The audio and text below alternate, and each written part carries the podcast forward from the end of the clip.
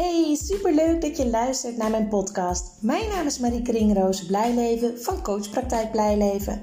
Ik ben motivatiespecialist voor tieners en hun ouders.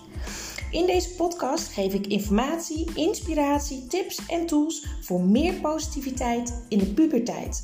Het is namelijk mijn missie om het onnodig afstromen, dubleren en zakken voor het eindexamen terug te dringen in heel Nederland. Ik weet inmiddels uit ervaring dat als het contact tussen ouder en tiener positief is, dat dat direct effect heeft op het welbevinden en de schoolresultaten van een tiener. Een motivatieprobleem is namelijk een gevolg, geen oorzaak. Enjoy!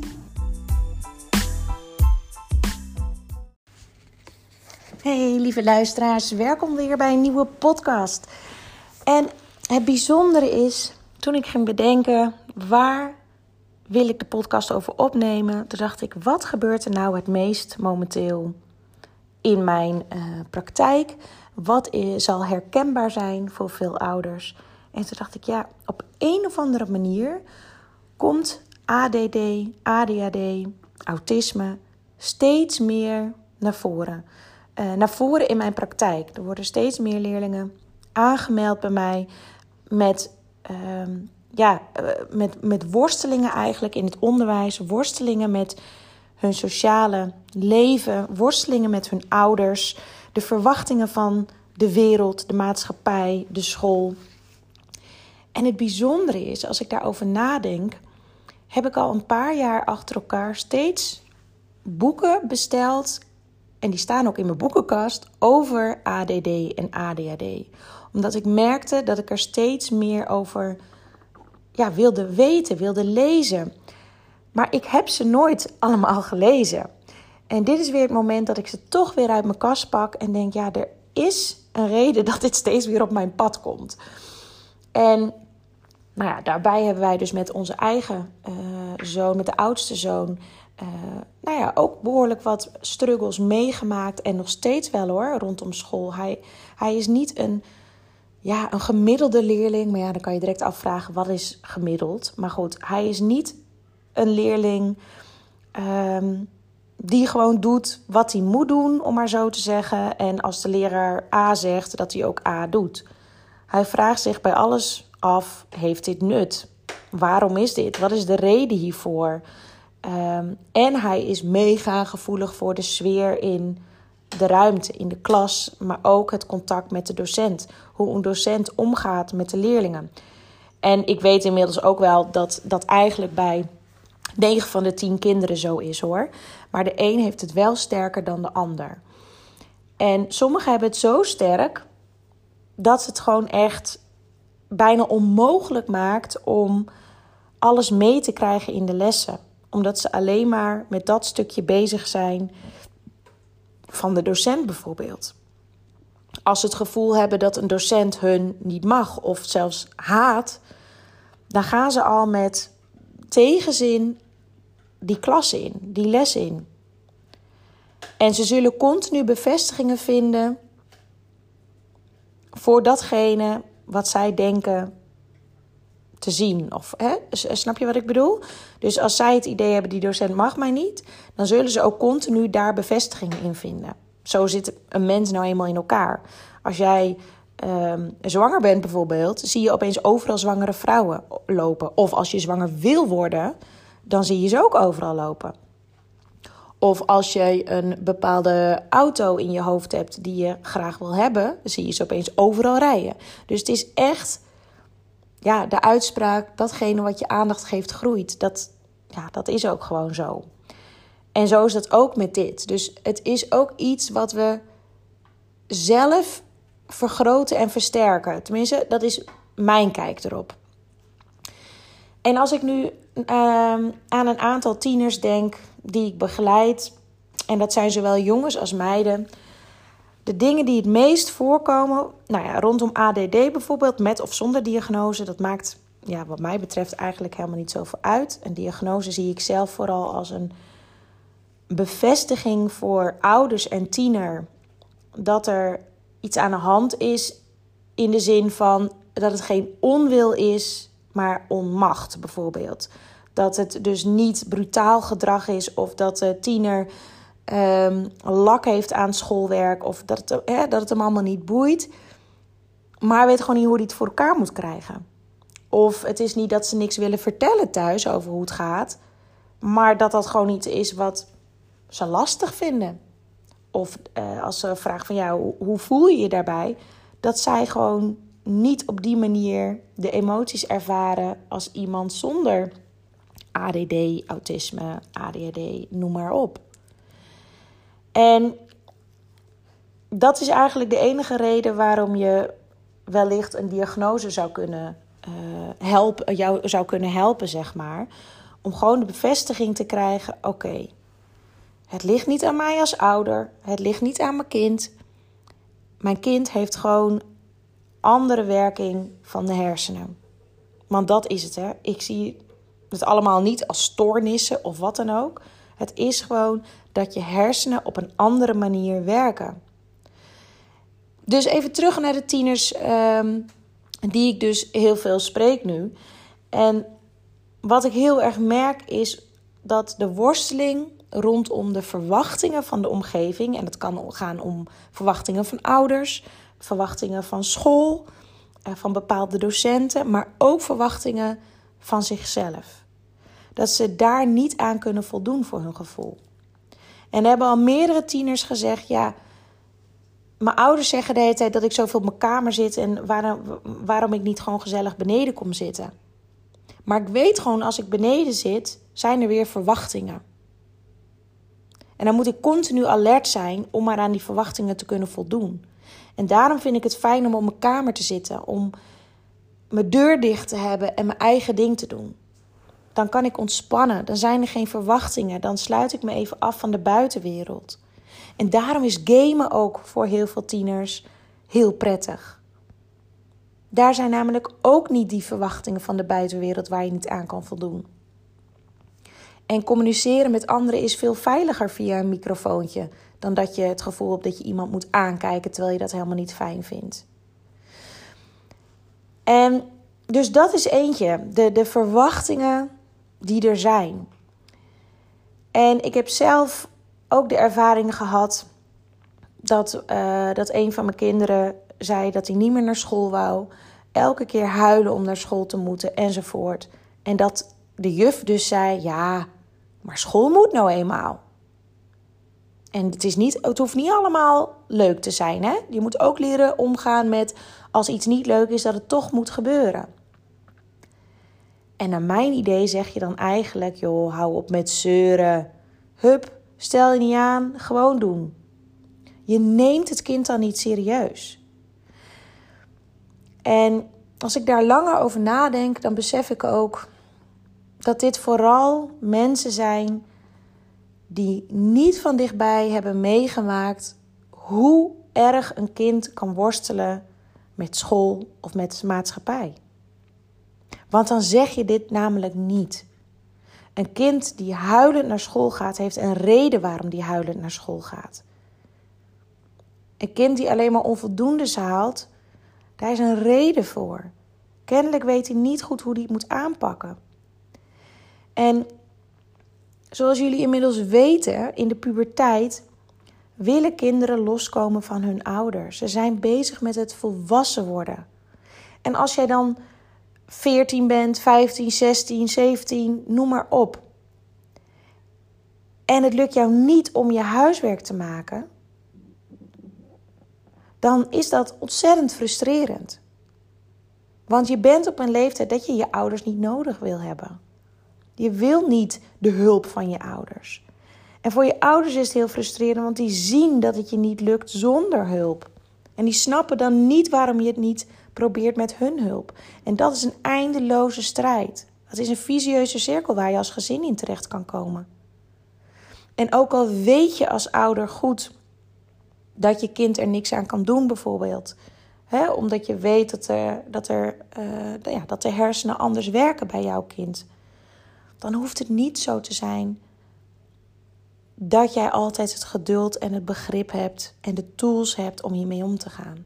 Het is ook voor ouders echt een uitdaging. En soms zelfs dag in dag uit. En dat kan je best wel uitputten. Dat kan je best wel een machteloos gevoel geven. Dat je denkt: ben ik nou echt de enige in de wereld die mijn kind begrijpt? Ben ik de enige die hem kan uitleggen dat, um, dat zijn hersenen anders werken en dat het meer ligt aan de mensen om hem heen hoe die ermee omgaan, dan dat het aan je kind ligt. En dat kan zoveel pijn doen. Dat kan je moederhart raken, breken zelfs. Maar besef tegelijk ook, als jij je in dit verhaal kent, herkent, jij bent zo belangrijk als ouder. De liefde die jij voor je kind voelt, die is zo noodzakelijk. Liefde is echt, ja, onmisbaar.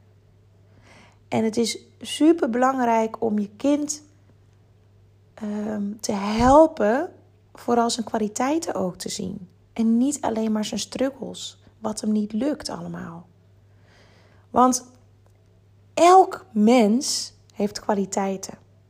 Wat ik vaak in mijn praktijk doe met tieners, uh, met alle tieners, dus het maakt niet uit of ze een diagnose hebben of niet, is het kwaliteitenspel. En het kwaliteitenspel bestaat uit vele kaartjes met allemaal kwaliteiten. Met ook tekeningetjes erbij om uit te leggen wat de kwaliteit betekent. En dan laat ik ze uitzoeken welke kwaliteiten bij hun passen. En in het begin vinden ze het ontzettend moeilijk.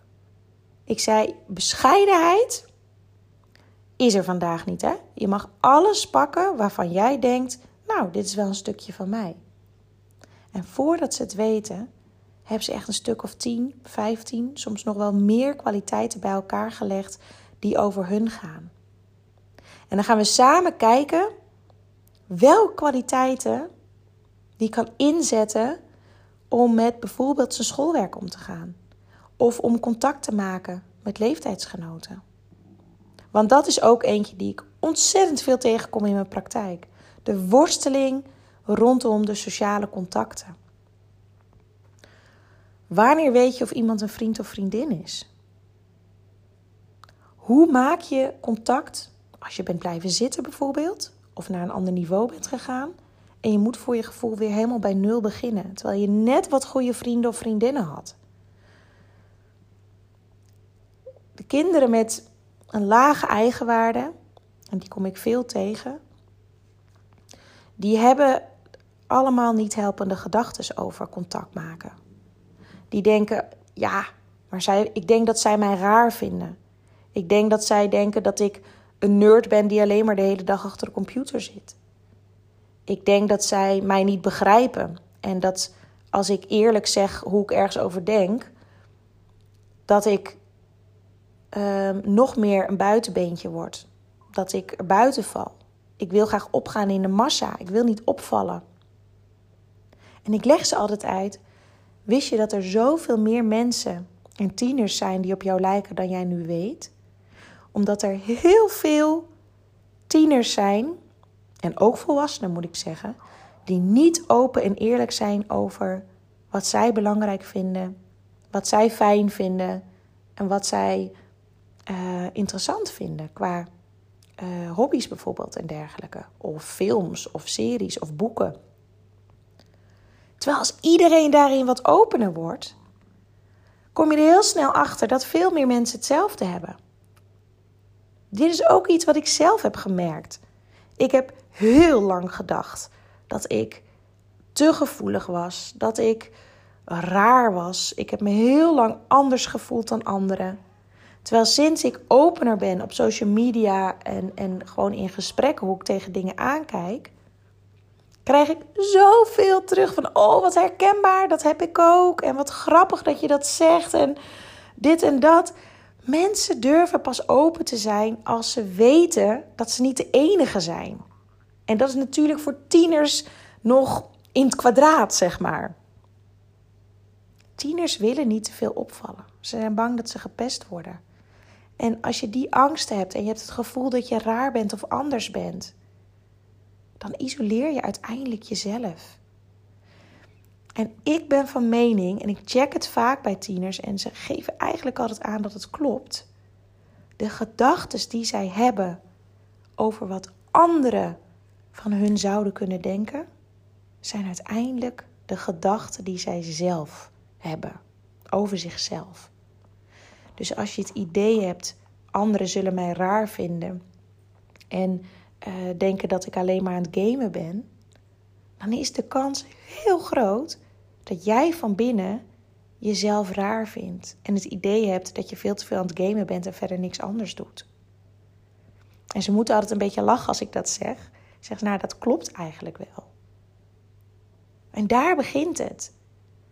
Om allereerst bewust te worden, wat vertel jij jezelf? En ook rondom de organisatie van school. Als jij zegt, ik kan dit niet, of ik heb er geen zin in, hè, dat zeggen ze heel vaak. Ik heb geen zin in school, ik wil niet mijn huiswerk maken. Bullshit. Nee, ze vinden het niet fantastisch leuk. En dat snap ik ook. Heb ik ook vroeger niet gevonden. Maar ze willen wel voldoendes halen.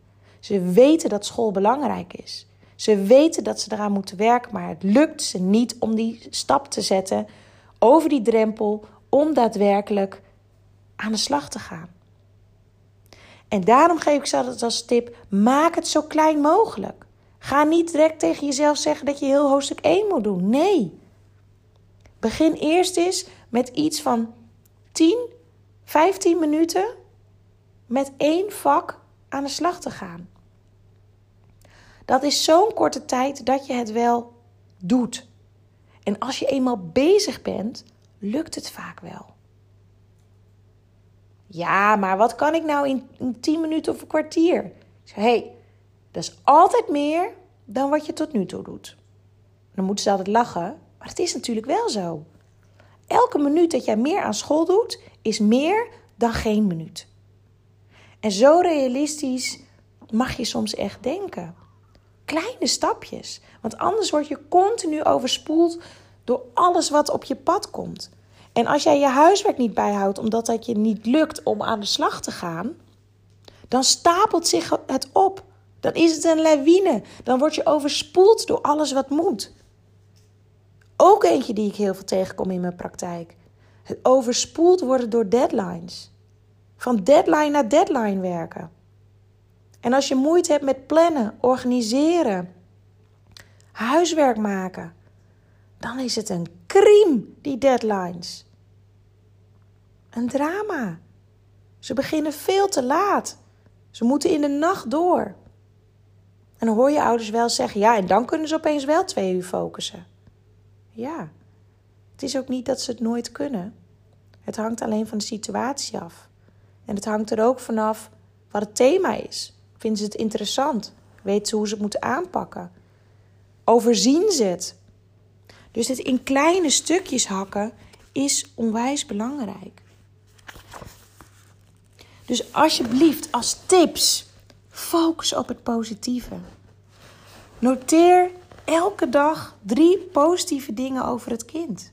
Of laat het kind het zelf doen. Elke dag drie positieve dingen. Kwaliteiten, sterke punten. Want ze hebben soms het idee dat ze nergens goed in zijn, dat ze niks kunnen. En het, het probleemgedrag, om het maar zo te noemen, ja, het is niet echt probleemgedrag. De worstelingen. Het is de bedoeling dat je het in goede banen leidt.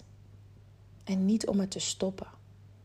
Want het is de bedoeling dat je uiteindelijk samen met je tiener een weg vindt hoe je hiermee om kan gaan. Het is niet een kwestie van het stoppen. En hou de verwachtingen simpel. het, is, het, is, het is zo stressvol voor tieners als de verwachtingen continu te hoog zijn. Of niet, waar, dat is het gevoel dat ze er niet aan kunnen voldoen. Dus blijf, blijf positief. En structuur bieden is hartstikke belangrijk. En routines zijn heel belangrijk. Want als bijvoorbeeld de ochtend en de avond, als daar een duidelijke routine is, dan betekent dat dat het energiebesparend is voor je tiener. Mijn man heeft ook een mega strak ochtend, uh, ochtendroutine, zeg maar. Ik weet precies, als ik in bed lig met mijn ogen dicht, wat hij wanneer gaat doen. Ik weet precies wanneer, wanneer hij zijn la opentrekt voor zijn sokken bijvoorbeeld. Ik weet precies wat hij wanneer gaat doen. En in het begin vond ik daar wat van. Maar hij legde uit, ja weet je, als ik elke dag dit allemaal op dezelfde volgorde doe en op dezelfde manier, dan scheelt dat zoveel energie. Want ik hoef geen keuzes te maken, ik hoef niet na te denken. Het gaat allemaal automatisch en dat scheelt mij gewoon energie. Ja, dat klinkt heel logisch. En dat is voor, voor tieners met ADD, ADHD, autisme en dergelijke. Is dat ook fijn? Extra fijn, misschien zelfs wel noodzakelijk. Ook met het thuiskomen. Waar leg je de sleutels neer? Waar leg je je portemonnee neer, je pasjes? Ook je schooltas inpakken, wanneer doe je dat? En hoe doe je dat?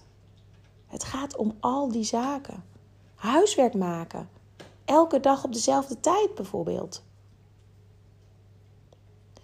Ik ga me iets meer verdiepen in ADD, ADD. Ik ga ook het weekend van 22 oktober, dus vrijdag en die zaterdag, ga ik een, uh, een cursus volgen, twee dagen, die helemaal hierop gericht is.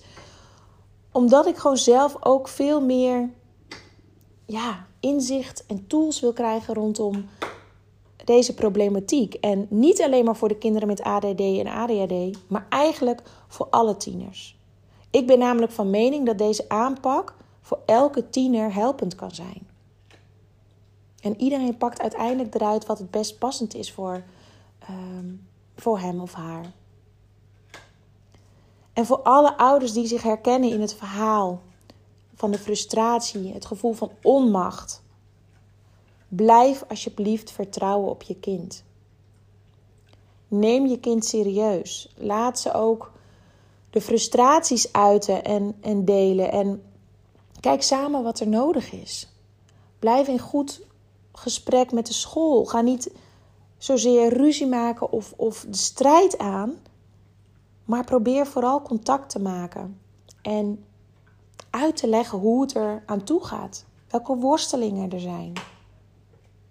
Want ik merk dat veel docenten bedoelen het goed, maar als zij niet de kennis en kunde hebben rondom deze thema's die noodzakelijk is om een kind echt te begrijpen en goed te kunnen helpen, dan kan het allemaal net niet datgene zijn wat nodig is.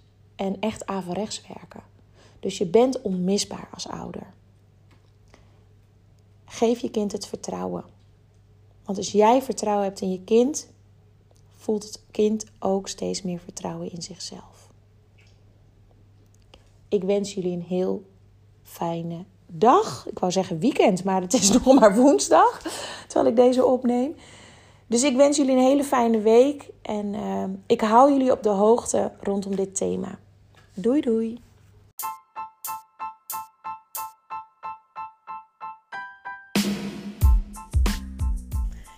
Dit was weer de aflevering van deze podcast. Ik hoop dat je het leuk hebt gevonden, dat je er veel informatie, tips en inspiratie uit hebt kunnen halen.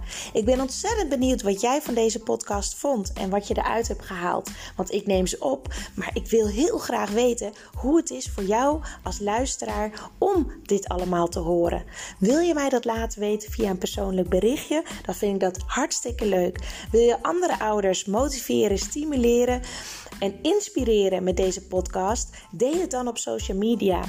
En wil je mij contacten? Dat kan via www.coachpraktijkblijleven.nl.